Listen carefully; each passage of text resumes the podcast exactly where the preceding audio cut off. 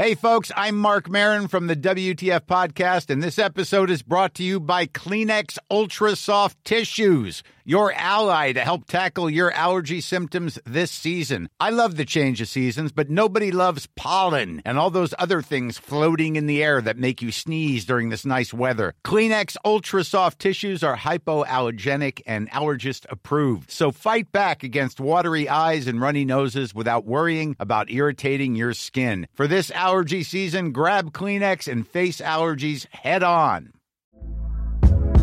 Hey there, it's Michelle Norris. I'm host of a podcast called Your Mama's Kitchen. When I travel, I'm usually looking for a way to find a taste of home when I'm not at home. And one of the things I love to do when I am at home is entertain. And Airbnb allows me to do that. When I was in California recently, I rented a house that had a great kitchen. And when we were sitting around the table, we're all thinking, we're in someone else's house. Someone could be in all of our homes as well. If you have a home, but you're not always at home, you have an Airbnb. Your home might be worth more than you think. Find out how much at airbnb.com/slash host. There's never been a faster or easier way to start your weight loss journey than with PlushCare. PlushCare accepts most insurance plans and gives you online access to board-certified physicians who can prescribe FDA-approved weight loss medications like Wigovi and Zepbound for those who qualify. Take charge of your health and speak with a board-certified physician about a weight loss plan that's right for you. Get started today at plushcare.com slash weight loss. That's plushcare.com slash weight loss. plushcare.com slash weight loss.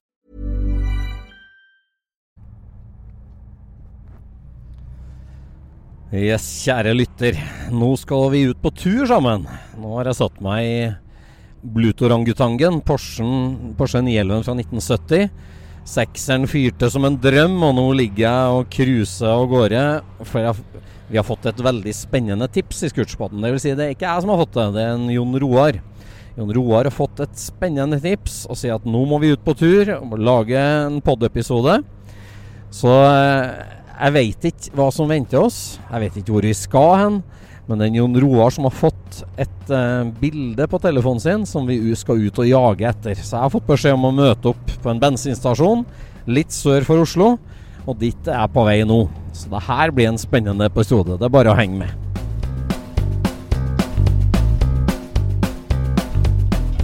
Du lytter nå til Scootspodden, en norsk podkast om klassisk bil med Jon Roar og Øystein.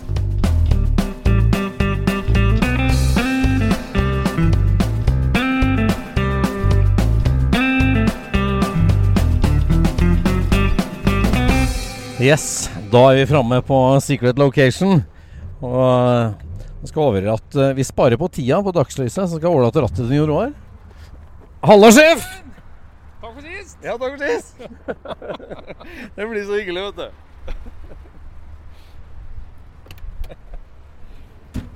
Herlig.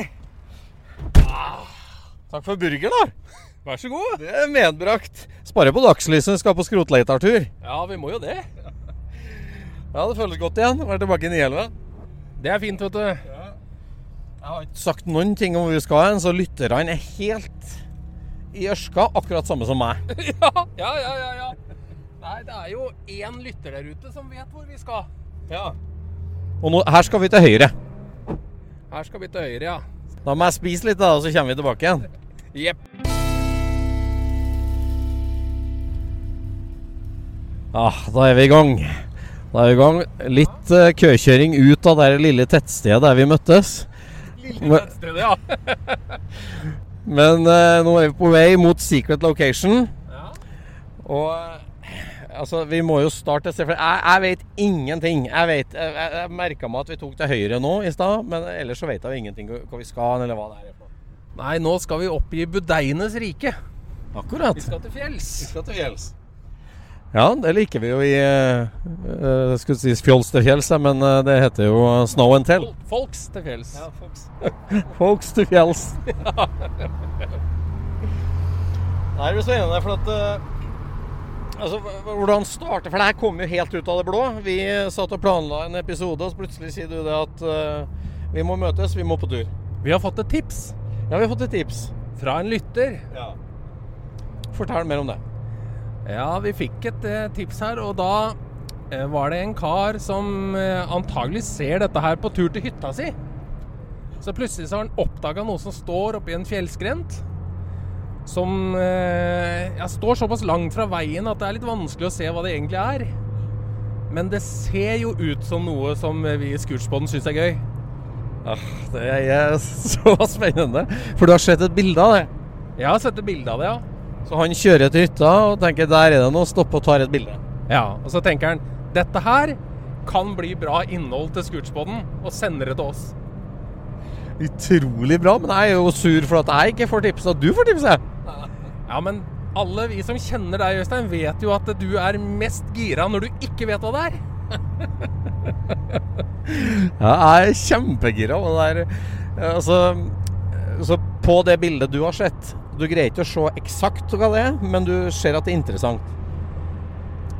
Ja, hvis det, hvis det ikke er det det ser ut som, så er det noe som nesten er gått inn for å prøve å få det til å se ut som noe interessant, altså. Spennende. Jeg vil ikke vite hva det er for noe ennå. Jeg vil oppdage det live.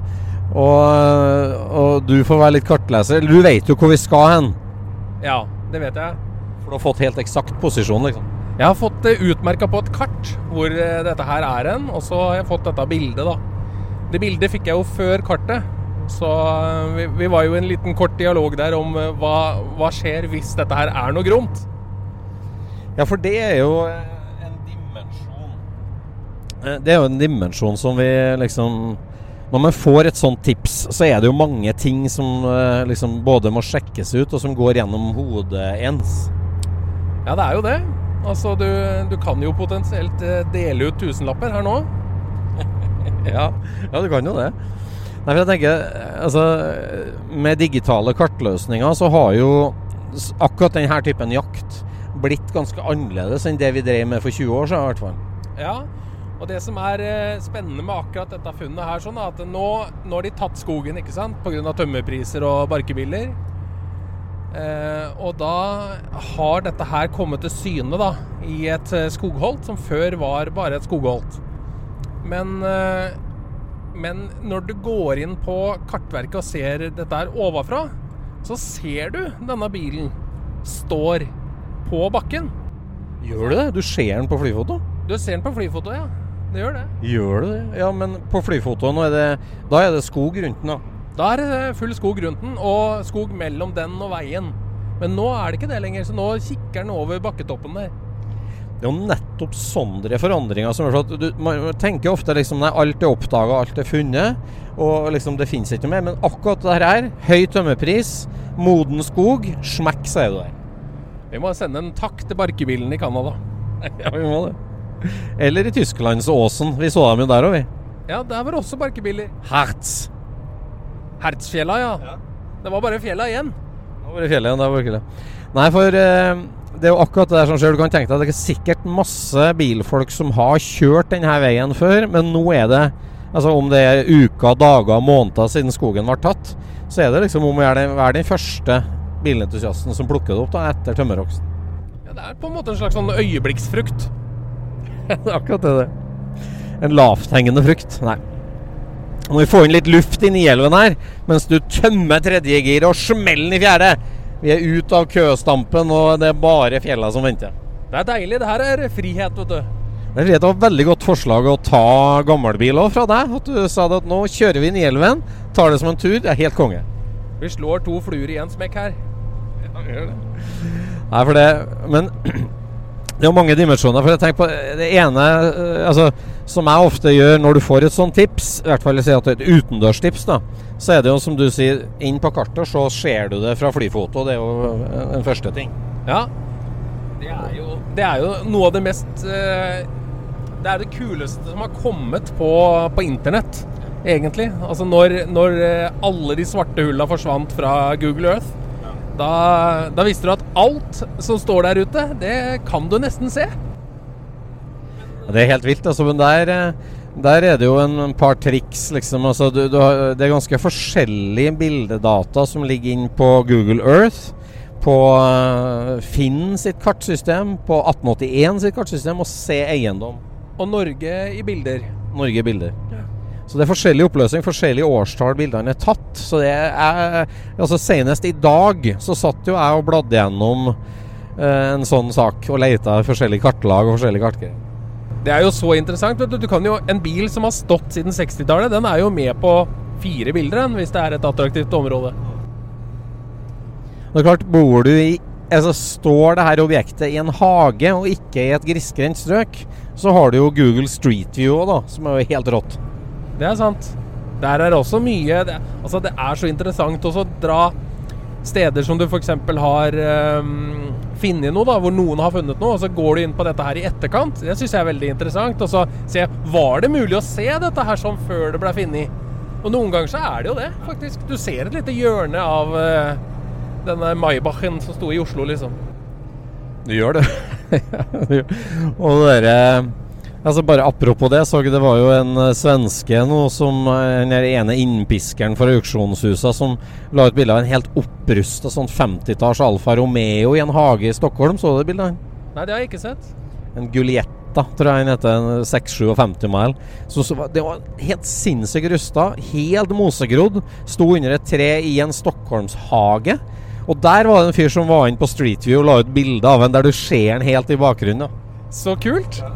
Det er skikkelig tøft, altså. Og så er det jo det som var så vidt på innpå, altså det med å inn i eiendomsdatabasen og finne grunneieren. Har du gått så langt? Nei, ikke på det her. Det har jeg ikke gjort. Det har jeg ikke. For der hadde, der hadde vi en diskusjon. Hva gjør man i forkant av dette her, når vi drar, nå skal på tur? Skal vi da ringe og få et definitivt nei? Eller skal vi kjøre og se og få et definitivt kanskje? Ja, det er akkurat det. altså. Det der er et utrolig toegga sverd. Eh, jeg har vært med på begge utfall der. altså at du tenker OK, jeg ringer først. Jeg har hørt at du har noe, kan jeg komme og se på det? Og da kan du få døra rett i trynet. altså. Ja, og så har jo jeg veldig ofte tenkt på hva skal man dukke opp med?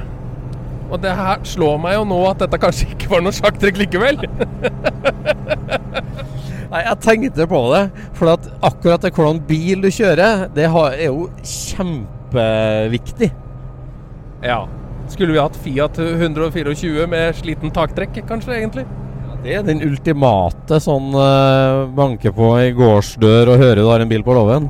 En sliten, rusten blå 127 var det. En Stella Super til meg. Ja, det var det det var, ja. Jeg blander alltid disse her årsmodellene og modellene, vet du. Sånn er det. Men, eh, men hva er det optimale å komme med, da? Er det vise at du er en som har muligheten for å gjøre noe med det du finner? Eller skal du vise at, eh, at her finnes det noe penger? Eller skal det vise at eh, her må det ikke være for mye penger? Eller altså, hva, hva, er, rette, hva er rette trikset? For det er jo, det er jo flere terskler du skal over. Skal Én skal få lov å se på bilen.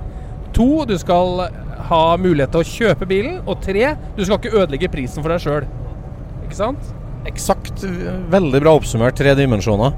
Jeg har tenkt veldig mye på det der, jeg òg. Liksom, ofte så tenker jeg liksom, jeg må komme en skikkelig sliten bil så jeg ser fattig ut, og da får jeg en billig. Men det, da slår du deg sjøl i hjel. For da er det liksom sånn Det her er bare en skrotnisse. Han her får ikke til noe. Ja, han skal kanskje bare klemme bilen, ikke sant? Altså, du, du, du kan jo jeg tror det kan slå begge veier, da, i hvert fall. Ja, altså, du kan, altså du, Hvis du skal greie å kjøpe en bil som står på en låve, så må det gi inntrykk av at, du er rett eier, i form av at liksom, jeg får til noe. Jeg har penger, ressurser og gjennomføringsevne. Og hvis du kommer i en dass av en bruksbil da, med rust og søppel, kan du si, så, så gir ikke du det førsteinntrykket, egentlig. altså. Nei, jeg var jo ute på et eh, transportoppdrag her eh, for et par dager siden. Og før det så var jeg på en sånn derre eh, PPI. Pre-Purchase Inspection. Ja, akkurat. Av samme bil. Og da var det, viste det seg jo det at eh, der hadde det dukka opp en og kikka på denne bilen i forkant at jeg var der, som hadde kalt seg oppkjøper. Oi, det er vel ikke noe sjakktrekk? Nei, det tenkte jeg òg. Hvem i all verden drar rundt og sier det? Fordi det blei jo min eh, Det blei jo den lille sprekken i døra som jeg kunne kjøre inn eh, brekkjern i. Fordi ikke sant, det er jo ingen som har lyst til å selge hobbybilen sin til en oppkjøper.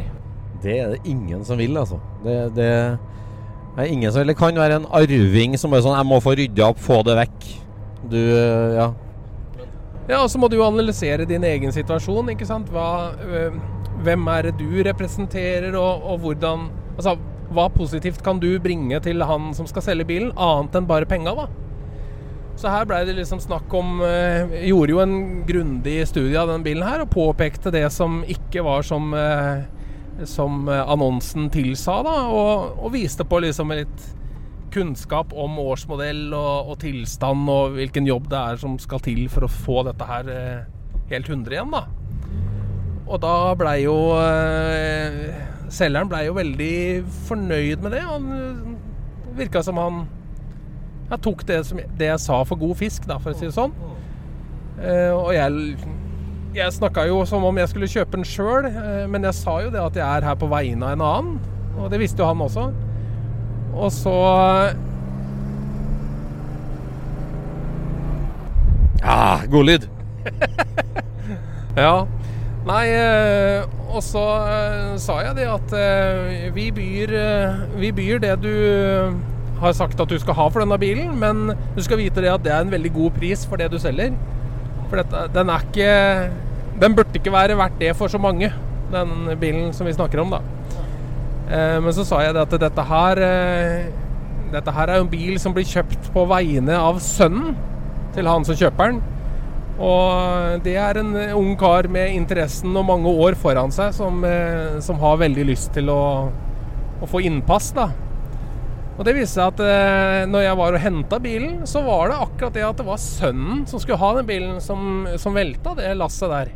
Var det det, ja? Ja. Ja, det der det viser jo liksom at du vet aldri helt hvilket agn som er trumfkortet, egentlig. Så man må liksom ha et lite arsenal. Ja. Og så var det jo også sånn at eh, eieren av bilen hadde jo én bil til av lignende type. Så han var jo akkurat like mye interessert i å bli kjent med noen som kunne noe om den bilen, som at han var i å, å få solgt en bil.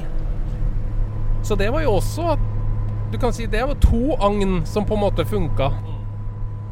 Så Nei, Det er nettopp der, altså det med Når det er en entusiastbil og en bil som betyr noe for selger nå, så er det ikke bare kjøpekraft du må vise fram. Du må vise fram altså kunnskap, gjennomføringsevne, entusiasme, eh, langvarighet, langsiktighet. Og liksom, du, du må symbolisere nærmest at du gleder deg like du, du, må glede deg like mye over det som han har gleda seg over det. på en måte.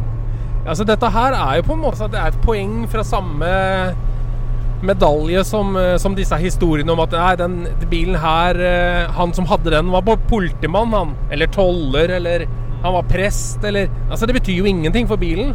Men når du selger bilen til noen, så har du lyst til at den skal havne hos det du tenker er den optimale eieren for å ta vare på din øyensten videre, da.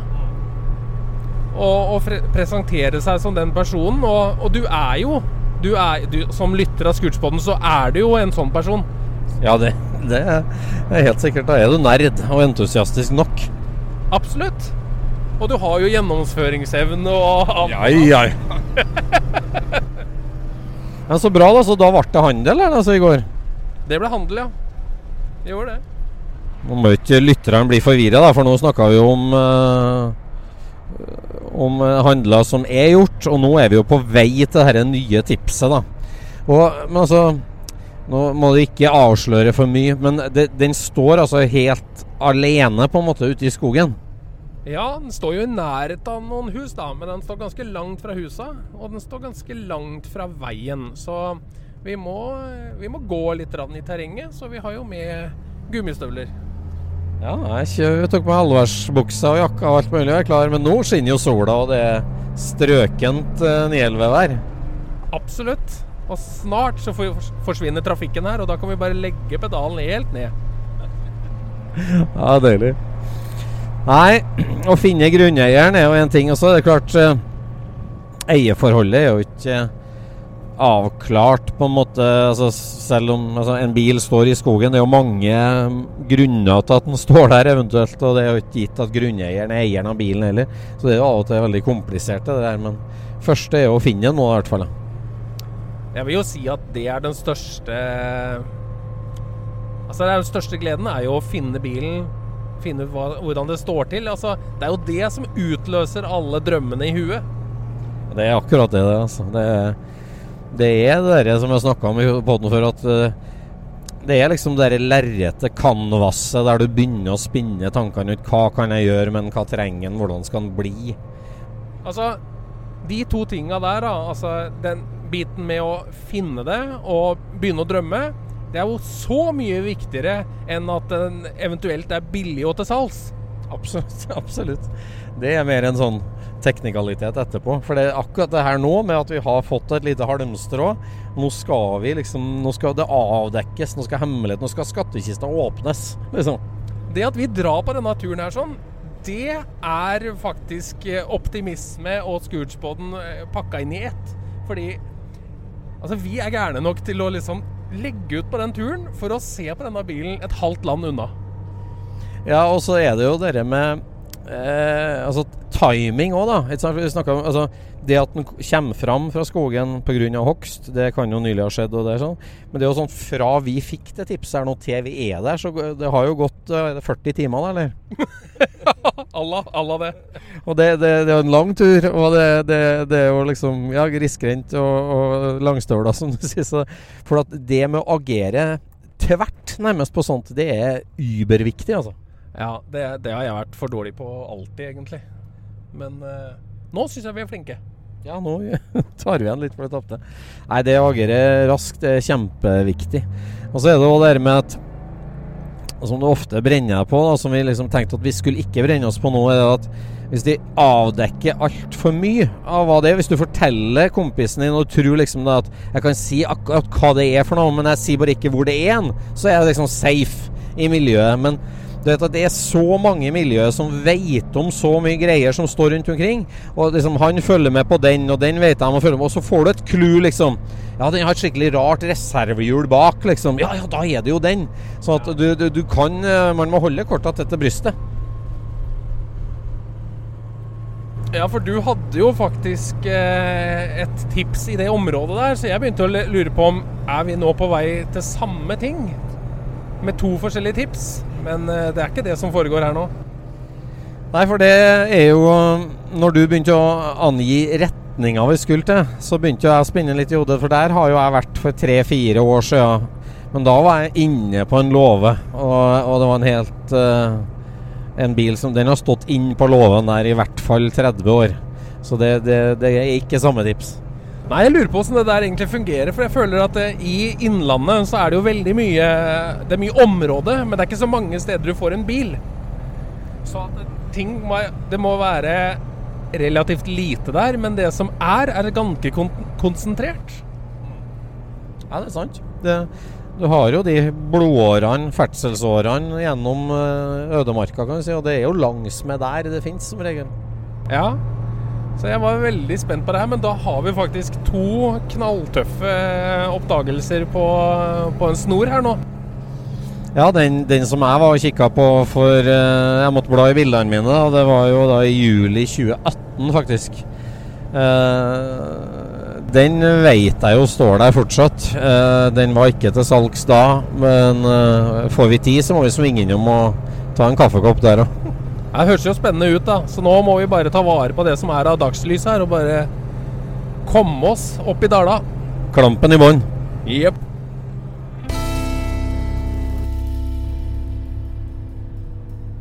Ah, det er deilig å være på tur, altså. Ja, og nå som vi har fått ventilasjonen i Porschen til å funke òg ja, Utrolig, altså. Liksom, tatt for gitt at luftsystemet ikke fungerte, men det var bare å slå det på og sette det på kaldt, gitt, så det var luft. Det var noen trege vaiere, og så litt eh, Ja, ja så forsto vi dette her med rødt og blått. At det betyr varme og kulde. Utrolig, altså. Hva vi lærer på tur. Altså, Folkvognfolk, altså. De plukker opp ting eh, altså Snart er vi jo innpå inn på 2020-tallets teknologi, vi to. Nå passer vi et lite tettsted her. Bor det jo flere lyttere, vet du. Ikke bare lyttere, til, til og med deltakere. Det, det, er faktisk sant. Det er faktisk sant.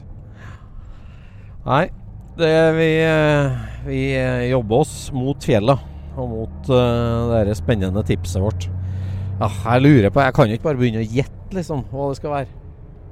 Du kan jo. Kan jeg det? Ja, men er det liksom veldig vanskelig, på en måte? For at Ja. Altså, er det veldig overraskende, på en måte? Nja, jeg vet da rakkeren jeg om det er overraskende, men altså Det er få ting som du blir tipsa om som er mer innertier enn dette her. Jøss. Ja, det er Det er jo Ja, det Altså, ikke sant, På tivoli så kan du velge forskjellige hyller. Dette her er på øverste hylle, altså. er det det, altså. Men eh, Ja, det er, for at, det er klart at det er jo veldig lett å tenke folkevognbuss. Det er nok veldig lett å tenke det, ja. For da Altså, vi er på landet. Eh, Ja, så er det jo liksom tømmerhoggerkoie. Det er jo det som de fleste overlevende har endt opp som.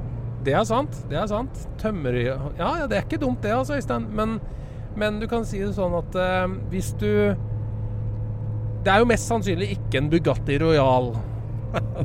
Nei, det vil jeg tro. For det, det tror jeg ikke de har noe bruk for oppi der, rett og slett.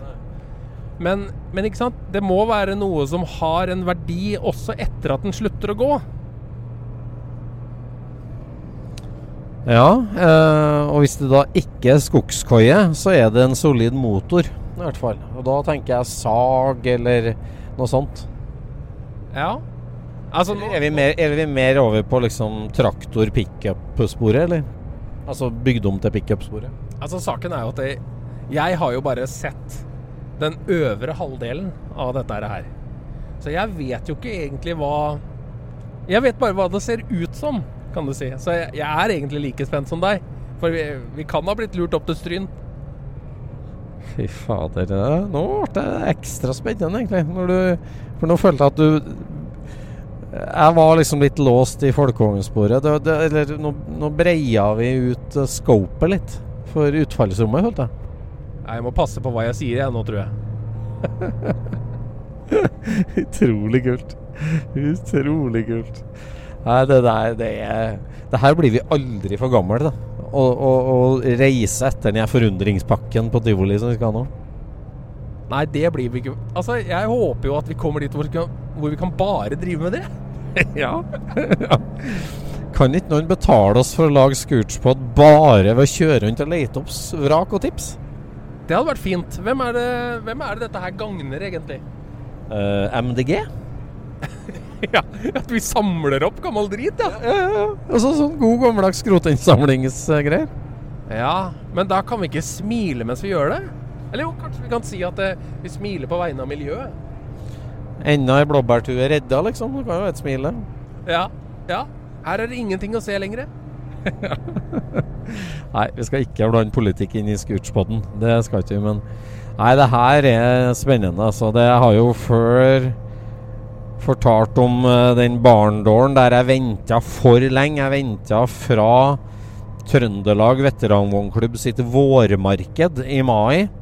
Så venta jeg helt til akkurat de har tatt åkeren, så det måtte jo da ha vært midten av august, da slutten av august kanskje i Trøndelag. Uh, her skal vi til venstre. Her skal vi til venstre. Hold deg fast! Oi, oi, oi, oi, oi. Der hagler tenningsnøklene som ligger og flyter på dashbordet. Den må vi ha, vet du. For den Ja, der. Havna oppi der, den. Oi, der står det internasjonal. Gjør du det? Ja. International. Vi, vi Harvester. Mista det igjen. Vi har eh, Som kjent så begynte jo tenningslåsen på Nielven vår å fuske. I Amerika Nei, i Amerika. I Tyskland. F fikk du tak i den, eller? Nei. Det er ikke så viktig, kanskje. Så da ble det jo litt sånn provisorisk løsning. At vi eh,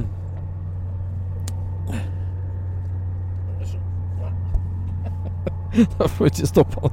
Jo, vi finner den. Det går fint. Ah, som kjent så begynte jo tenningslåsen å fuske når vi var i Tyskland. Så det er jo fiksa på ja, klassisk Øystein-vis. Ja, det er ikke noe strikk involvert denne gangen, da. Nei, det er ikke en strikk involvert. Det, det, det er jo, tennislåsen er jo todelt. Det er en mekanisk fremre del og så en elektronisk bakre del. Og det var jo forbindelser mellom de to som var knekt og ødelagt. Så da bare plukker jeg bort hele den mekaniske delen, og så er det skrutrekkeren rett i elektronikkdelen. Men hvis vi snakker om liksom eh, sy symptom og rotproblem, da. eh, Hva, hva gjør at det mellomstykket mellom det elektroniske og det mekaniske ryker? Nei, jeg fant Jeg, mener at jeg fant kilden til det. For uh, elektronikkdelen den har et, et støpt aluminiumshus. Og så har den en masse koblingspunkt og ledninger som er festa til ei rund bakkelittskive. En sånn ganske tjukk bakkelittdisk, på en måte. Ja. Og så er liksom den runde bakkelittklossen dytta inni den støpte aluminiumshuset. Og så er det slått tre kjørnermerker som holder den koblingspunktbakkelittplata på plass i huset sitt. Ja. Og der er det wiggly wiggly chewing gum da i eh, 50 år. At det har wigla litt. Og så har rett og slett et av de kjørnerpunktene som skulle låse oss den, den har liksom løsna litt, eller bøyd seg litt, da på en måte. Så den bakkelittplata, den satt litt løst i huset sitt. Den satt ikke dønn stumt fast, den satt litt løst i huset sitt. ja, det høres ut som problemer, ja. Og da hadde det antagelig blitt litt tregere, litt mer hakkete enn originalt, da, å vri glideplata over de kontaktpunktene. Og da ble det for mye belastning på den lille støpte aluminiumstappen som overfører kreftene fra nøkkelen til elektronikkdelen. Ja, Det høres ut som den tenningslåsen er akkurat som oss to, Øystein. At vi vil helst ha det lineært. ja, det, det er litt sånn. vet. Og så liker vi også den mekaniske delen, ikke den elektroniske delen. Det stemmer også. Hvorfor kan ikke den bare fungere, liksom? Ja, ærlig talt. Nei, så, men jeg lærte jo det da at uh, i 72 så forbedrer jeg meg akkurat den forbindelsen her. Da gikk den fra liksom eh, På den her så er det bare en sånn liten, tynn flatskrutrekkerflik, nærmest, som overfører kreftene. Men i 72 så kom, kommer det som et eh, kryss, en sånn plusstegn. Ja, de dobla det, ja. Dobla, så da får du fire draflater i stedet for to. Ja. Det er jo likt sånn som det er på Golf 2. Jeg vet ikke hva du snakker om. Det er etter 1970, det. Det er det, vet du. Nei, det, det er jo sånn at uh, mye av det som vi tror er folkevogn eller Porsche-typisk, det er jo egentlig bare Bosch. Ja, det er jo sant. Det, det er sant. Altså, Vi tror de er så geniale, men det er, det er underfirmaer som leverer det ene og det andre. Nei, det der er ikke en enkel fiks. Men nå er funnet en eh, amerikaner som har laga ei lita oppskrift på å reparere det. Så jeg skal prøve å reparere den mekaniske delen, men den er, den er ikke helt god. Ja, men er, Hvis det er aluminium, så kan du vel bare tigge på en ny, da? Ja, han, han hadde Ja, blir for detaljert. Han hadde rett og slett bare fila den bort. Restene av den der lille tappen, da. Fila flatt. Bora et høl i enga. Og så hadde han kjøpt seg en sånn skrue, sånn, sånn fiolinstrammeskrue, som har gjenger, og så et sånt flatt parti, gripeparti med fingre. Ja. Så han filte det som en spissen på en skrutekker, da, og så skrudde det nedi med Loctite. Det går jo, vet du. Da får du plutselig en eh, stålspiss som går inn, og ikke som er så sprø som aluminiums støpte spissen. Men du vil jo egentlig ha Links fiolinstrengstrammer, da. Nei. Du vrir jo mot uh, høyre, så den vil liksom stramme seg når du drar til. Ja, stemmer. Han står motsatt vei inni der, den, ja. Den gjør det. Så jeg, jeg tror det. Så det er jo eventuelt når du slår av tenninga, men det er vel egentlig fjærbelasta Eller ja, det er, så det er jo den startfjærfunksjonen som er den tunge jobben i tenningslåsen. Du kunne jo også bora to høl og to, hatt to settskruer der. Som sto hverandre, siden av hverandre, som danna liksom denne her eh, ryggen, da. Det kunne han ha gjort. Nei, jeg må prøve å gjøre en sånn for at eh, det, og, å greie å demontere hele den mekaniske delen, den er litt for komplisert. Eller ja, den er støpt og klinka og herja. Så. Ja. Men vi greier også å finne med skrutrekker. Bare at når vi kjører litt hard cornering, så ramler den av dashbordet. Da har vi ikke noe skrutrekker å stoppe bilen med. Det er sant. Men like blid, da. Sola skinner, og nå er det straks folks til fjells her. Altså, nå nærmer vi oss eh, fjella. Ja, nå merker jeg at eh, forgasserne får uh, rein og fin luft. Kaldere luft og mer effekt. Prøv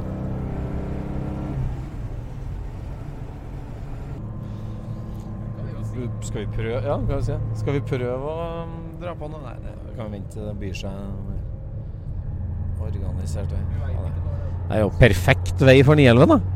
Det her er perfekt vei, altså. Det her føles så svingete og fint. Knusktørr asfalt, ikke en bil i sikte. Sving og granskog. Ja. kan det bli bedre. Ikke en barkbil heller. Ja, Det blir litt bedre når vi kommer til dette hogstfeltet oppi her. Da, da får vi se. Ah, nå jeg kjenner jeg at jeg er veldig nysgjerrig, altså. Men er det noe det går, går det an å spørre er førkrigs eller etterkrigs? Eller hva spør om det? Ja, det er etterkrigs, ja. Det er etterkrigs, ja. Ok. Ja. Det er det. Det er etterkrigs, ja. Ok.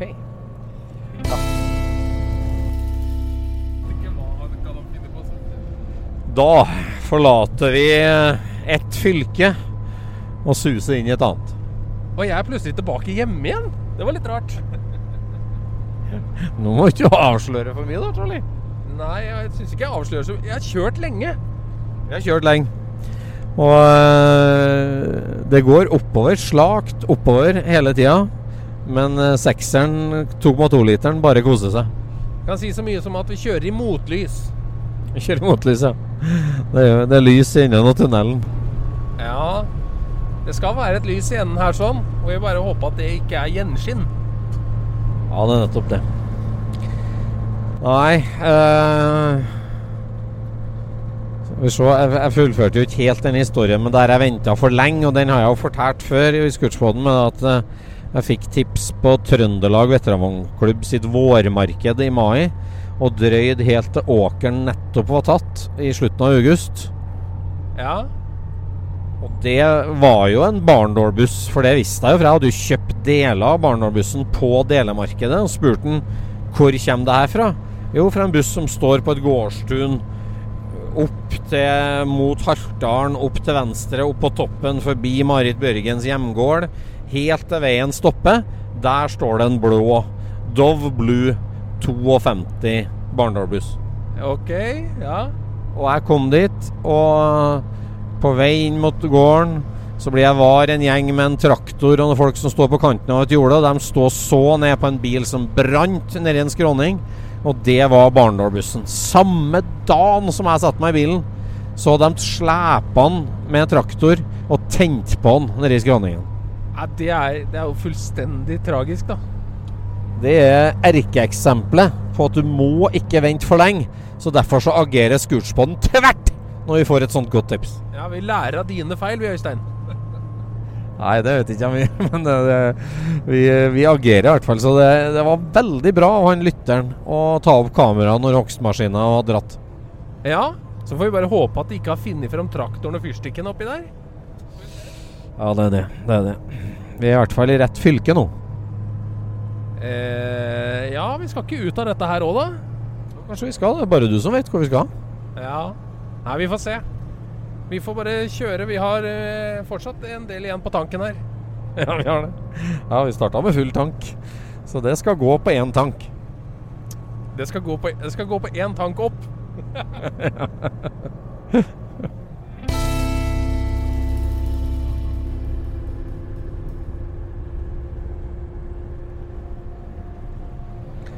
Fader, nå er vi Nå ser vi Snaufjellet foran oss her. Ja, det her er Norge. Ja, det her er Norge, altså. Det er det. Og uh, vi nærmer oss uh, på kartprikken.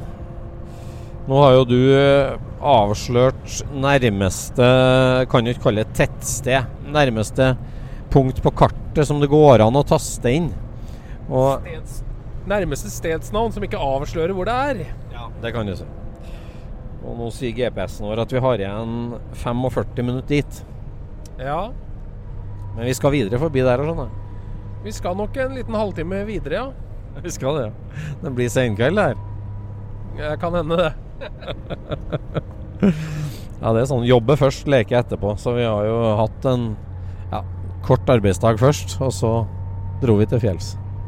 Ja, vi får jo kompensere for dette her i, i andre enden, for å si det sånn. Men dette her eh, er jo kjempekult eh, for oss. Men jeg tror også det er litt gøy å høre på, rett og slett. Ja, vi har jo hatt med oss podden og opptakeren på låvekikking før, og det var jo suksess, det, på en måte. Det, for det er jo noe med liksom Ja, det er jo ute til lunsj, vi snakker om ting som har hendt oss, så det er jo Navnene skal vi ikke ha med, men, eh, men det, at, det, det at vi Altså, vi opplever jo det her live. Det er jo ingen av oss som har vært her før. Nei, og det her blir eh, Det blir jo veldig eh, Hva skal vi si Jeg tror det går an å høre spenninga på oss, egentlig. For det er ingen av oss som egentlig vet. Nei, for det bildet du har fått, ja, dårlig oppløsning, tatt fra veien, det er langt unna. Du ser bare øvre halvdel av bilen. Ja. Fis ja, du fisker etter nå?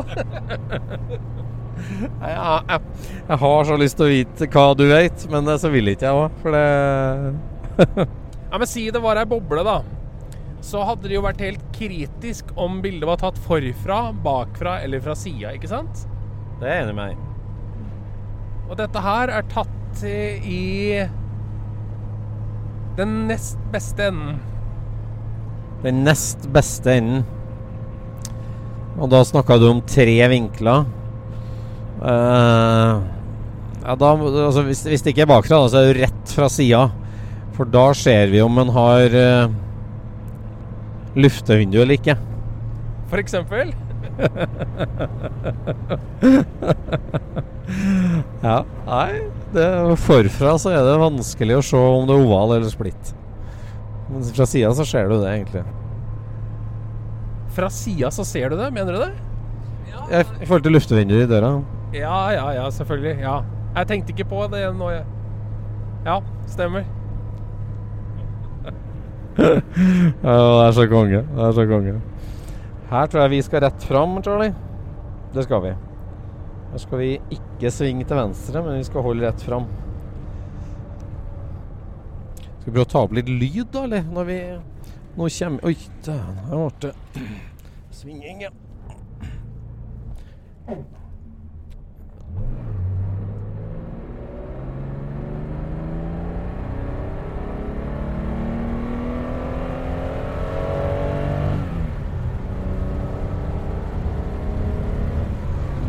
Le, da! Det er deilig! 2,2 liter i fullt øs! Ja. Nei, det funker, de greiene her. Det funker. Nei, eh, si at vi kommer fram, da. Og så er det jo liksom Hva ser vi? Kom oss øh, På vei mot objektet så vil man jo ganske raskt identifisere omtrent hva det er for noe. Ja. Og så er det jo liksom helt innpå så er det jo liksom tilstand og chassisnummer det handler om. Ja, og så, hvis vi da møter eieren, så er det jo veldig spennende hvordan tar han det her. Og så kommer det jo liksom Han kan jo fortelle noe som gjør dette funnet mye råere. Det er sant. Det kan være en tilleggsdimensjon. En gjemt Carrera-motor på låven, eller et vognkort fra prins Bertil, eller Ja, akkurat. Altså, Den kan jo ha vært med på noe sinnssykt spennende, ikke sant? Akkurat, ja. ja for altså, I på en måte synsavstand fra veien, men midt i skogen, så er det jo liksom skogskoie Altså hvorfor er den der nede? Skogskoieteorien. Eller kjørt ut av veien-teorien. Og da kan det være spennende. Altså, vi vet jo om en hyggelig Porsche kabriolet i Norge som en sveitser krasja i veigrøfta på ferie i Norge og forlot bilen der. Og den er fortsatt. Så det kan jo være en sånn ganske eksotisk bilkrasj. Som står i grøfta fortsatt. Nei, nei, den ble henta på 80-tallet, men fins i Norge fortsatt. Og er urestaurert. Veldig spennende bil. Men eh, altså, aldri vært på norske skilt og, og, og kjørt ut. Så jeg bare tenker nå Hypoteser rundt dit, dit de skal. Hvorfor står den i synsavstand fra, skogen, fra veien, men midt i skogen? Liksom bare en måte å bli kvitt den på.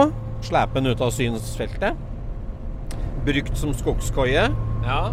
Brukt som skogsmaskin på noe vis. Gjort en jobb i skogen. Drevet, dreve i sag, drevet en vinsj. ja. Altså eh, i, I andre enden av skalaen da, så, så er vel eh, at bilen eies av en entusiast og har satt den der for å pusse den opp. Ja, Men da vil den jo ikke stå midt i et hogstfelt. Nei, men nå har ikke jeg sagt at han står midt i et hogstfelt. Nei, det har du ikke sagt. Nei, Du har sagt at han, han, han kom til syne. Ja, Han er skjult av et hogstfelt. det har du sagt, ja. Nettopp. Stemmer. Ja. Så det kan hende han står inntil et hus, og for alt du vet. At vi skal på et tun, rett og slett. Nei, husa er langt fra bilen. Akkurat. Nei, du har det, ja, skogskøye. Kjørt av veien, dratt dit for at det ikke skal så ja, det, altså, lagring, men eid av en entusiast, det, det er jo en hypotese. For meg føles det usannsynlig. Bønder har jo ofte en sånn plass hvor de setter eh, halmballer og legger tømmer, og gamletraktoren og hengeren står der og Vedplassen. Nettopp. Og sånne plasser finnes det jo rundt forbi, og der står det ofte det som de ikke helt har klart å kaste. Eller som de har, Det er helt sant. eller som de har funnet. Det er sant. Det er sant. Det blir en slags sekundærlagringsplass. Det- Sånne plasser finnes. Og den skal være så langt unna at kona ikke ser den plassen. Ja, nettopp. Genialt. Det er en sånn plass vi skal til. Er det ditt inntrykk, liksom?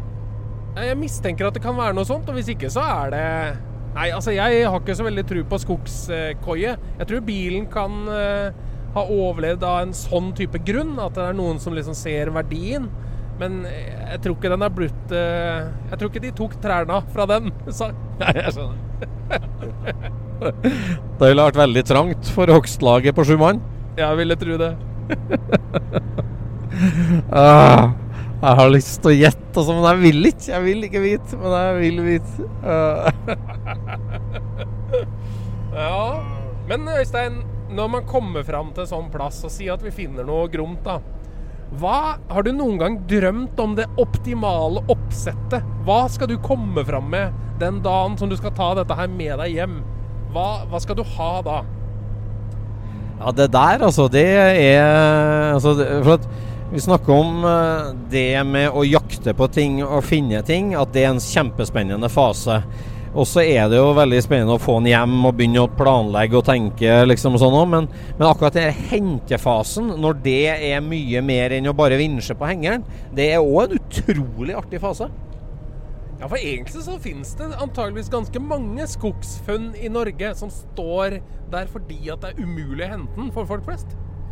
Ja, det er, det er enkelte biler. Vi vet jo om helikopterhentinga. Det har vært eh, gravemaskiner langt inn i skogen og dratt ut ting. Men det er klart, noen gang så er det jo veldig eh, vanskelig, rett og slett. Veien er lagt om, det er ny jernbane, eller eh, låvebrua er vekk, eller Det er jo mange grunner til at det er vanskelig.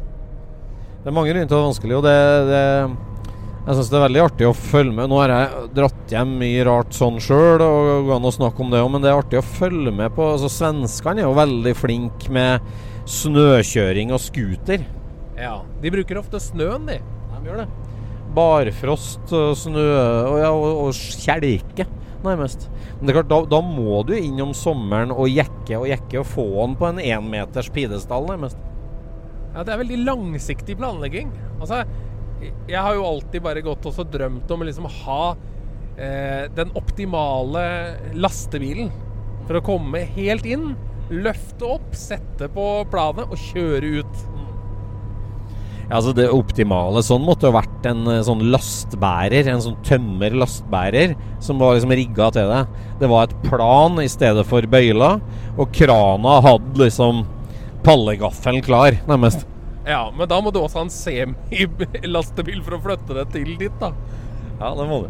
Det er klart, det er jo Det er jo er jeg, driver jo og drar i en eh, tysker som står uh, oppe i Telemark Nei, oppe i, oppe i Hallingdalen. Og den, den står jo Det er et chassis som er et tungt, svært chassis som er dytta skikkelig nedi ei steinur. Liksom. Det ligger nedi ei steinur. OK? Og det, det er ikke lett. Altså, altså Helikopter er selvfølgelig veldig dyrt, men nærliggende. Men det, det er ikke så lett å dra noe opp ei steinmur. Altså, for du kan ikke kjøre ned der, og det er veldig vanskelig å vinsje oppover. Det Måtte jo vært om du hadde noe sånn beltegående et eller annet, da. Jeg vet ikke. Sånn skikkelig steinskråning. Altså det er mer som en Tenk deg at veien er utvida, så det er bare tømt masse svær stein. Altså svær stein som er ganske bratt. Og nedi der med snuten nedover, så ligger det en sånn en. Oi, oi, oi. Da er det kran, da. Svær kran. Ja, type mobilkran går jo an. Der har du en vei. Det, det er ganske langt unna veien, men det, det har kanskje gått det. Altså en type ja, 90-tonner. Men jeg syns å huske at det var en svenske som var og henta busser i skauen, og han hadde en sånn kort firehjulstrekt eh, 60- eller 70-talls militærlastebil med kjempekran på. Husk, har du sett dette her? Det ja, det, det jeg, tenker, jeg husker de bildene. Det var noe slags kort Scania-sak eller noe sånt? Den var ekstremt kort, og så med eh, enorm kran. Jeg forklarte en sånn En skikkelig rigga, halvgammel Unimog hadde jo vært fin. Ja, det er jo det råeste. Altså, Unimog burde vi ha et program om. Ja, vi burde egentlig det. Ja. ja, Unimog, det, ja, det er litt oversett. Se her, da. Så idyllisk. Det var helt konge her. Litt gamle bruer som ikke er laga i stein og tre. Fy det her var fint. Veldig fint. Som ikke er laga i stål og tre, mener jeg. Ja, Nå kjenner jeg at jeg vil kjøre litt snart. Det skal du få lov til. Det er drittøft. Nei, en Unimog eh, som henter verktøy, det, men det er klart at det, det, det er jo det med, eh, med traktor og sleping. Klart, å få hjul på det og få det til å gå rundt. Jeg henta en 35 Plymouth, en ganske hel og fin bil som sto ganske godt, men langt innpå skogen. Der eh, var det jo det liksom å få tak i felger først, som passa på, og dekk, og pumpe dem i slanger. Og dem eh, trilla vi på trillebår innover, og hadde med svær garasjejekk og trillebår. Trilla innover skogen. Og holdt på i dagevis og jekka og spraya VD40 og banka på tromla og fikk det til å gå rundt. For det var en rammebil, så da henger den jo sammen, på en måte. I dagevis. Ja, vi holdt på i dagevis, kanskje tre ganger vi var innover der. For det mangla noe verktøy da. ikke sant? Nei, fader, her må jeg ha et spett. Jeg trodde jeg hadde med meg alt, men vi var ja, i hvert fall en lørdag og søndag. Jeg tror vi holdt på en mandag òg, for det var en høstferie eller noe sånt. der der. Det var kanskje mandagen at traktormannen var med. Da, da, fikk vi jekka han opp, fikk på hjula, fikk dem til å gå rundt. Og eh, hekta i kjetting, rett og slett. Og så slepa han ut på en veldig dårlig skogsbilvei. Men eh, er, er du som meg der, at eh, første gangen så kommer man det man tror er godt forberedt. Og så drar man hjem med uforretta sak. Og så kommer man tilbake, da har man tatt i. Da har tatt i. Da, Bær tungt. ja, da bærer det tungt. Men så går det ikke den gangen heller. Men da er det å eskalere enda mer på tredje gangen. Gjør du det, eller, eller holder du et nøkternt nivå hele veien gjennom? Jeg holder litt mer nøkternt nivå. Ja. At jeg liksom tenker at jeg tar med den, det, det går da vel bra, liksom. For så er det jo litt å improvisere i skogen òg. Ja, ja det er det jo. Er det, bruker du tau og sånt, eller er det kjetting? Da hadde jeg kjetting med. Altså, ellers er det stropper. Altså det, Firetonns jekkestropper kan jo, ikke, kan jo brukes til alt. Ja, bortsett fra festebil Nei. ja. Så ikke, ikke jula, så. Nei, men det, det fy søren, det har jeg Altså, vi henta jo Barndal oppe i Mostamarka. Da var det jo Da var det jo eh, to nye firetonnstropper rundt fjærpakken bak og rundt forstillinga under. Jekkene han forsiktig opp fra side til side under og spente fast. La en 2-4 Det var jo inni bilen, jeg vet ikke hvorfor vi gjorde det, men vi la 2-4 inni. Og stroppa, og stroppa sammen, og det ble jo rammevanger av det omtrent til slutt.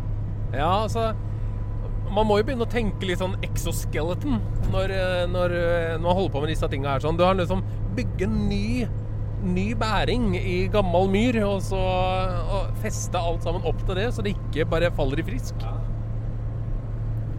der må du jo tenke smart. eh, Altså eh, med hva er viktig å ha struktur på, og hva er slett ikke viktig, liksom. Ja, dette her er jo masterclass i bruktbilkjøp.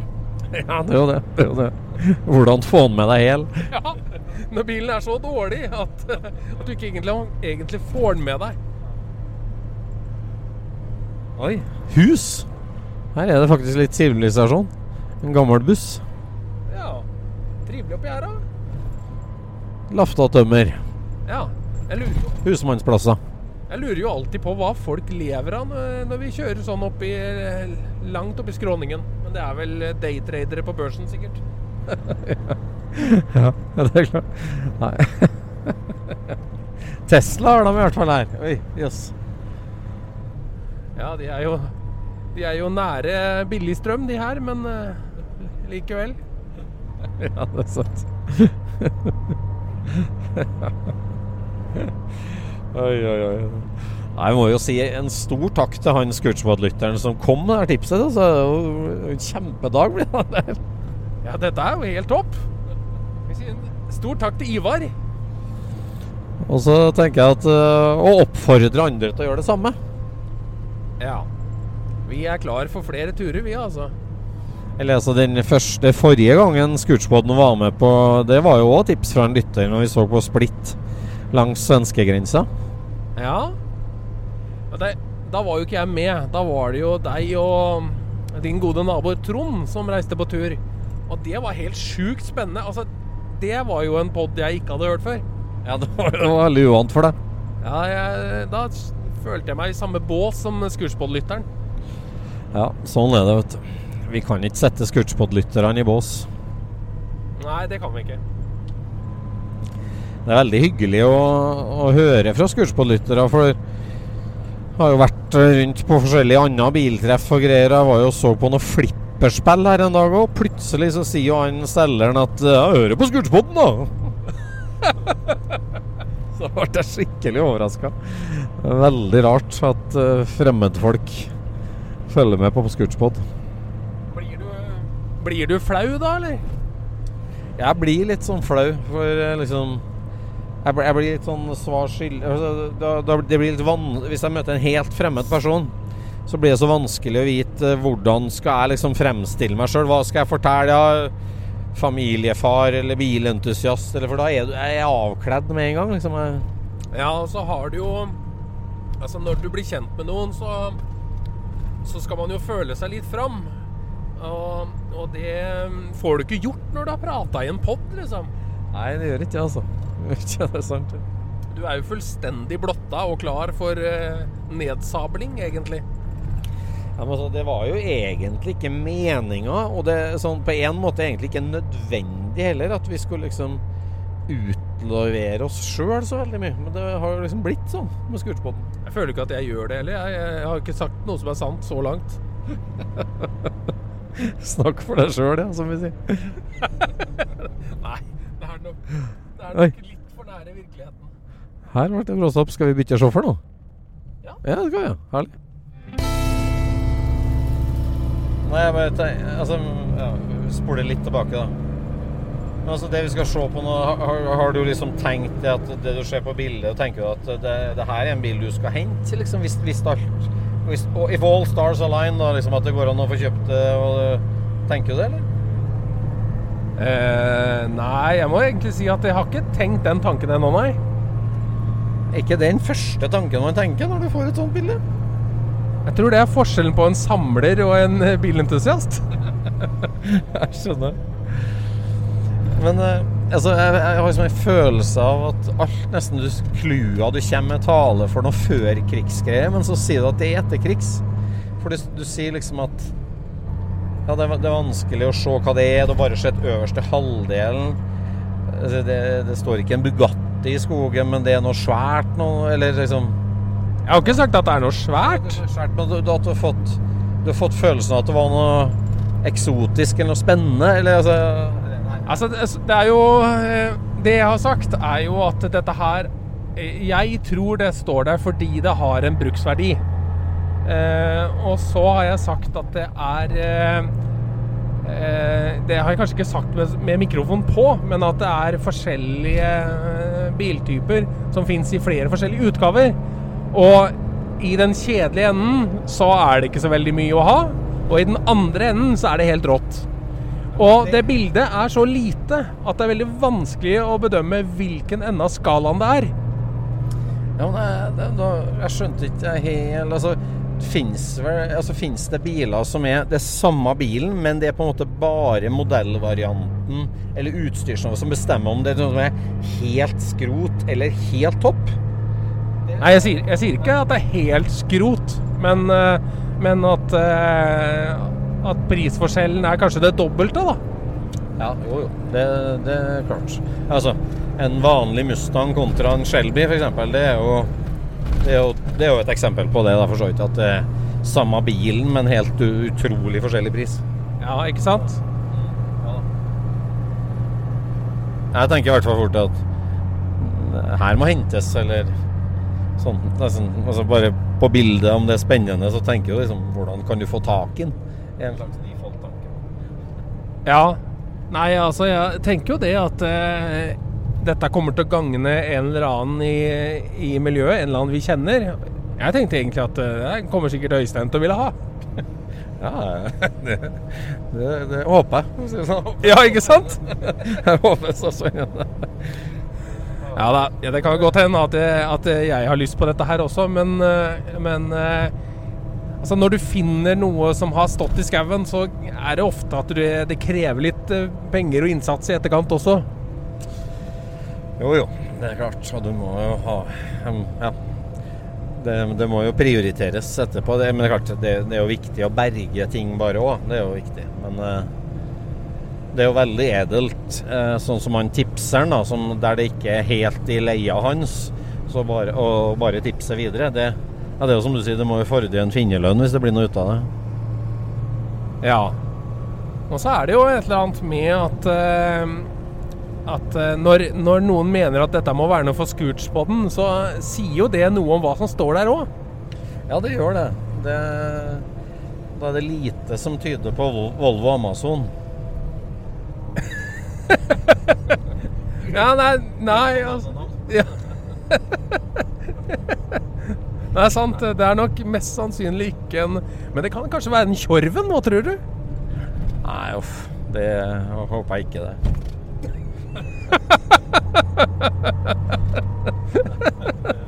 Har du noe imot biler laga i Kalmar, eller? Eh, Ikke sånn av prinsipp, men Tjorven, eh, da tenker jeg bare på den gulen som sto rett utafor huset til Ivansson. Ja, Fins det andre? Ja. Verdens mest kjente Tjorven. Ja, det vil jeg si. Ja, det er sant. Men kanskje det er en Think, Øystein? Ja, kanskje det. Hvis det er en tidlig spennende think, så er jeg interessert. Absolutt. Tidlig spennende Think. Premiere på setning. Hæ? Premiere på setning. Ja, tidlig. Ja. Nei, det var jo Sink lagde jo én førstegenerasjonsprototype, 11 andregenerasjons, og så 120 tredjegenerasjons prototyper, egentlig. Og den tredjegenerasjonsbilene, de er jo sjelden, og det fins noen av dem rundt på villspor i Norge, for å si. Så klart. Ja. Men eh, Nei, det er nok ikke noe Det er ikke noe rotasjonsstøpt som står der oppe i hele tatt. Nei, jeg skjønner. Er det aluminium, da? Jeg tror det er eh, Ja, det kan hende at det er noe aluminium på det. Og det er vel kanskje da vi skiller klinten fra hveten. Ja. Spennende. Er det noe italiensk, eller? Nei. Ja, er det tysk, da? Ja. Herregud. Nei, men altså, jeg har bare sett toppen av dette her. Og det er på en måte fra vinduene og ned at du ser hva det Ja, det, det, det kan jo faktisk da være italiensk. Ja, når du sier det sånn, egentlig, så da føles det jo nesten som det er ei KAB-rute du ser, da. Fordi at på en måte For å skille en kaptein, eller hva skal jeg si For å skille en kupé fra en, tek- en firedørstaxi, så er det jo toppen du må se. Og ikke fronten, på en måte. Eh, ja, for å skille de forskjellige versjonene, ja, så er det jo ofte toppen du skal se. Men som jeg har sagt, da, så er dette bildet tatt i den nest beste vinkelen. Ja, du sa det. Du ville ikke si hvilken vinkel det var. Hm. Nei, det der Fader, altså. Det, det blir spennende. Jeg har ikke lyst til å det, altså, det er tysk, ja. Men jeg vet jo ikke at det er eh, tysk, egentlig. Men det ser ut som det på bildet. Jeg skjønner. Ja. Ser du frontruta, eller Ja. er det delt frontrute, da? eller? Det er veldig kornete bilde, da. Ja. Fordi at det er langt unna, og du zoomer inn og zoomer inn. Altså. Ja, jeg tror det har vært brukt litt zoom for å bare få til dette bildet som, sånn som det er. Det er sånn. Ah. Nå er vi en halvtime unna. Ikke sant? Jeg gleder meg bare mer og mer. Men den veien her, altså, det er helt fantastisk. Helt fantastisk. Hvor, eh, vi sitter jo og humper litt, men, men utrolig fine svinger og opp og ned og fram og tilbake, og ikke en bil. Ikke en bil. Helt perfekt for eh, en uh, hyggelig 911. Fy søren. Ja.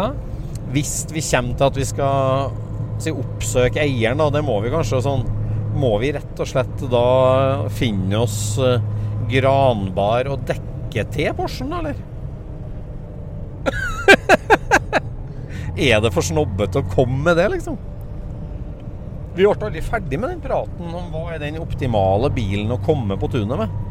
ja, Men tror du det finnes et svar på det? Jeg har tenkt ganske mye på det. For at, uh, som sagt, du kan ikke komme i en skrotbil. For da, og du kan ikke komme i en i hermetegn liksom rikmannsbil eller snobbete bil. Det kan du absolutt ikke komme. Du må komme med en, liksom, en i orden, ordentlig ryddig, hyggelig bil som ikke koster altfor mye, liksom. Så jeg tror at den ideelle bilen, det er en sånn en hyggelig halvgammel Landcruiser. Toyota Landcruiser. Da er det liksom da, har du, da viser du liksom muskler til at jeg, jeg kan dra henger, jeg drar ting, jeg flytter på ting, jeg får til ting. Og så er den liksom det, En kan, har jo en stor tilhengerskare, og det er liksom litt entusiastnerve i noe. Det er så mye entusiastnerve som det kan bli i en uh, driftssikker japaner, på en måte. Og, og sånn praktisk bil. Og hvis den er liksom ryddig og ordentlig, så gir den bare tegn på liksom handlekraft, uh, bilbevissthet, og, og er slett ikke liksom for dyr. Nei, eh, ja, med for dyr Altså, de fikk vel de over en million, gjorde de ikke det da? Ja, men jeg, jeg snakker om en halvgammel, en 20 år gammel Landcruiser. Ja, sånn, ja. ja. Nei, jeg, jeg tenker jo at eh, alt det du sa om Landcruiser er sånn, det er jo på den positive sida. For at eh, i den andre skalaen så har du jo ting hvor, hvor du bedøm, blir bedømt som enten klovn eller bølle. Sier du at klovner og bøller kjører Landcruiser? Nei, jeg sier det at eh, du kan komme med en bil som viser at du er totalt klovn, eller at du er en bølle. Hvis du kommer med en eh, Dodge Ram med 24-tommers eh, lavprofil offroad-hjul og kjempeeksos, så tror ikke jeg at du, de som selger bilen, tenker at han kommer til å restaurere originalradioen sjøl. Nei, det, da har du bomma helt. Det går ikke an å komme. Nei, ikke sant? Men det er jo fortsatt en bil for de, folk som vil ha ting gjort. Det er sant. Absolutt. Ja da. Og jeg har jo kjent folk som, som i etterkant av at de har solgt noe, har skrytt av den gromme bilen folka kom for å kjøpe de i. Ja, akkurat. Men det har alltid slått meg som veldig rart. Hvorfor, eh, altså Er det Stockholm-syndromet, det der, eller hva er det for noe? ja. Altså, du mener at du kjenner folk som har blitt sjarmert av en snobbete dyrebil, altså, på en måte? Ja, men altså, jeg skal ikke si at dette var normale folk. Nei. Nei, jeg tror at eh, på en måte en for glansa og for oppfatta dyr bil, da, eh, det, det, det blir feil. Da skyter du over mål. Ja, og så tror jeg det at hvis du kommer med en veldig rotete skrotbil, så tenker du at eh, bilen min går tapt i dette her. Ja, og så, og så kan ikke gi inntrykk av å være en eh, Fy søren, se på den utsikta her.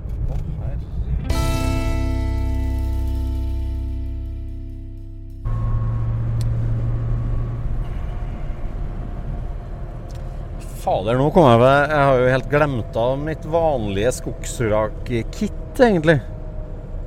Ja, Eh, altså VD40, stålbørste og en gammel håndduk. ja stemmer det. Det må jeg alltid ha med meg, og det har jeg faktisk glemt. Da begynner å bli rusten i faget. Nå har vi bare syv kilometer igjen, så vi gidder ikke snu nå. Åh, bare sju kilometer igjen? Ja. Ikke. Men uh, chassisnummer må vi jo få tak i nesten uansett hva det er for noe. Men Det er sant. sju kilometer er det bare. Her passerer vi 6,4. Vi kjører langs eh, en liten steinbekk. Vi har akkurat passert ei kirke. Der står det en Volvo 144 inni en låst garasje. Ser jeg. Må ikke du si hvor vi er, da? Nei, jeg skal ikke si det. Det er eh, topp hemmelig. Og nå er vi til fjells, altså. Det her er det sauebeite og seter. Setre. Ja. Jeg tror faktisk vi har kjørt her før, altså. Jeg har ikke kjørt her før. Nei, jeg har kjørt her før. Jeg har ikke kjørt før. Fem-seks kilometer bare unna. Herregud. Nå lurer jeg på om vi skal ha det sånn at eh, du skal bare få oppdage det sjøl, eller om jeg skal peke den ut. ja. Ja da, skulle vi bytte plass. For eh, det å sitte med 360-radaren, da er det best å ikke kjøre. Det er bare å stoppe det. Ja, nei, nå, nå må vi kjøre helt fram. Men eh, OK, vi prøver. Det er jo et åpent hogstfelt, da. Det er jo et clou som er sant. Eller? Ja, det er en skau som er hogd foran det som vi skal se, så det, det er ikke sikkert at det oppfattes som et uh, hogstfelt eh, fra vår synsvinkel. Jeg skjønner. Faen, jeg har ikke med meg røntgenbrillene heller, vet du. Det er mye annet å se etter òg, her ser jeg.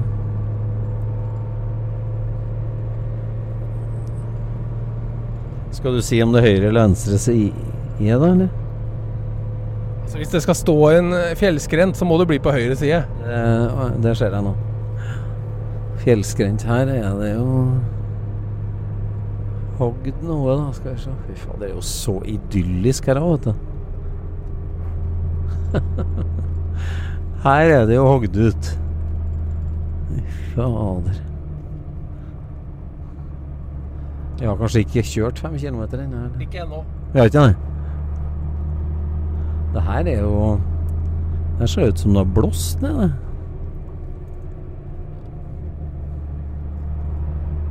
Her ser jeg bøndene har sånne oppstillingsplasser langt fra husa.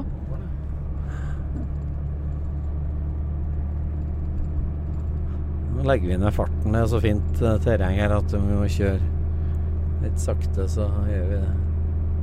Men det slår meg jo at det er veldig mye bebyggelse i forhold til det jeg trodde det skulle være, da. Ja, jeg er enig. Det er ja, veldig mye. Altså, ja, vi ser noen hytter og hus.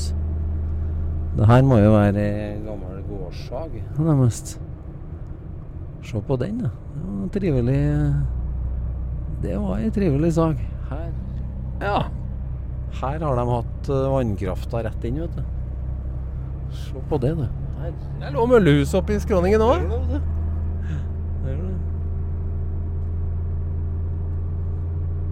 I disse tider så er vel kanskje nesten det mer gull. Ja. Fallrett skal den ikke kimse av.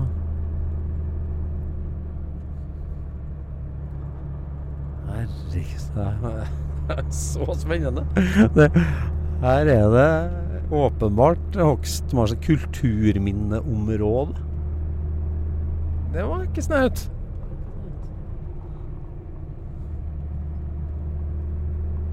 Herregud. Hva tenker du nå, Øystein? Nei, nå tenker jeg at vi må begynne å nærme oss her. Eller har jeg feilberegna på fem kilometer? Fortsatt. Ja, fortsatt. Jeg ble så gira nå når du sa det, at jeg greier ikke å kjøre bil. Men alle som går med sånn sporhund vet du, i bånd, han kan jo ikke begynne å styre hunden. Må jo bare la hunden oppdage alle de lika som er. Ja, det er sant. Ja. Hvor narkotikaen er gjemt. Her bor folk høyt oppi skrenten, altså. Han må jo ha hatt eh, bra spottegen, han som så det òg, da? Eller er det For det er jo Det er hvitt og åpent, stort landskap. Du får bare kjøre på, Øystein. Det er et stykke igjen fortsatt. Fiks og los. Det er et gammelt verksted, vet du. Ja, det var et skilt jeg har laga. Nei? Jo. Seriøst? Ja. Det er ikke mange stilskilt i Norge som ikke er laga av meg. Ja, ok.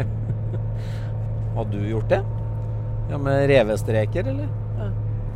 Ja. Nei, det her var eh, i, i, buss, i bussdagene. Så det her var på 90-tallet.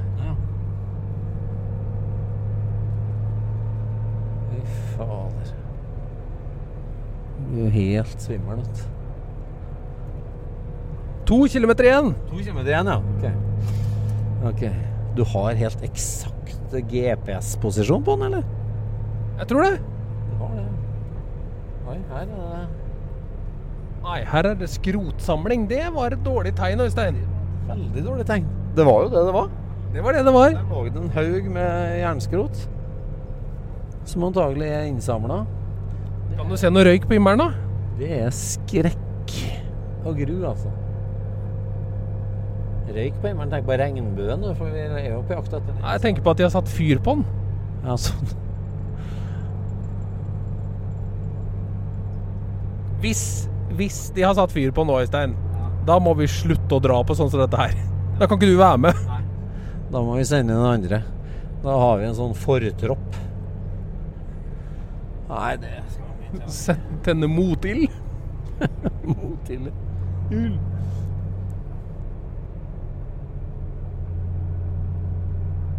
Jeg kjenner jeg er spent sjøl, jeg nå. Ja, nå er vi spent, altså. For nå 1,3 igjen. Jeg kjører bare veldig sakte og har fullradaren på. Her er det jo veldig hogd.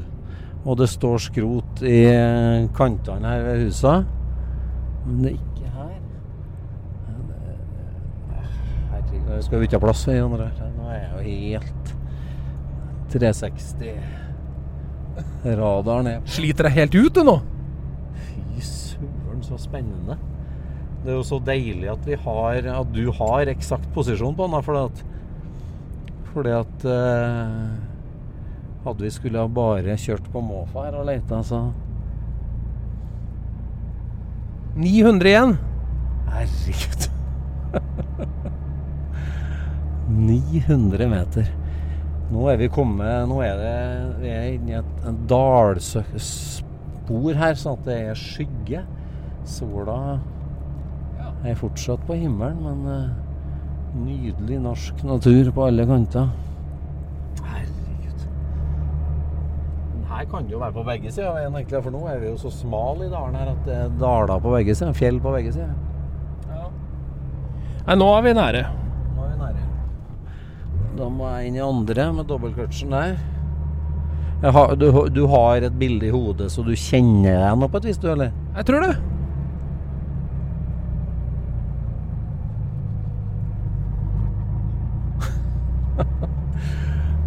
Jeg kjører sakte. Prøve å se. Det er litt uh...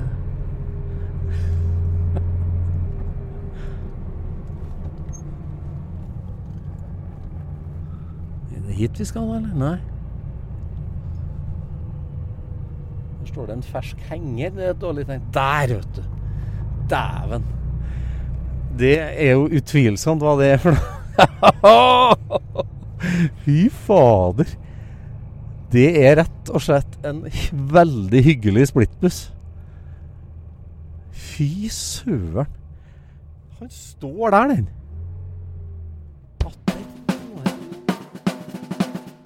Scootchpoden produseres av SSC Media, med god hjelp av VV Norge og Trond Dahl for hosting, Knut Micaelsen for musikk.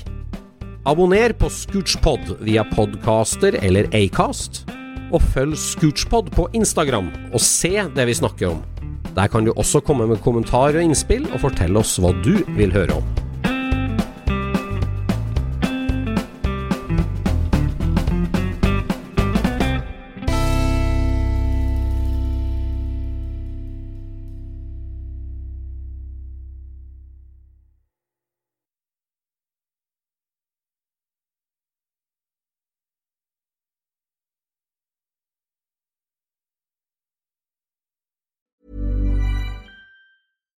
When we're on a budget, we still deserve nice things.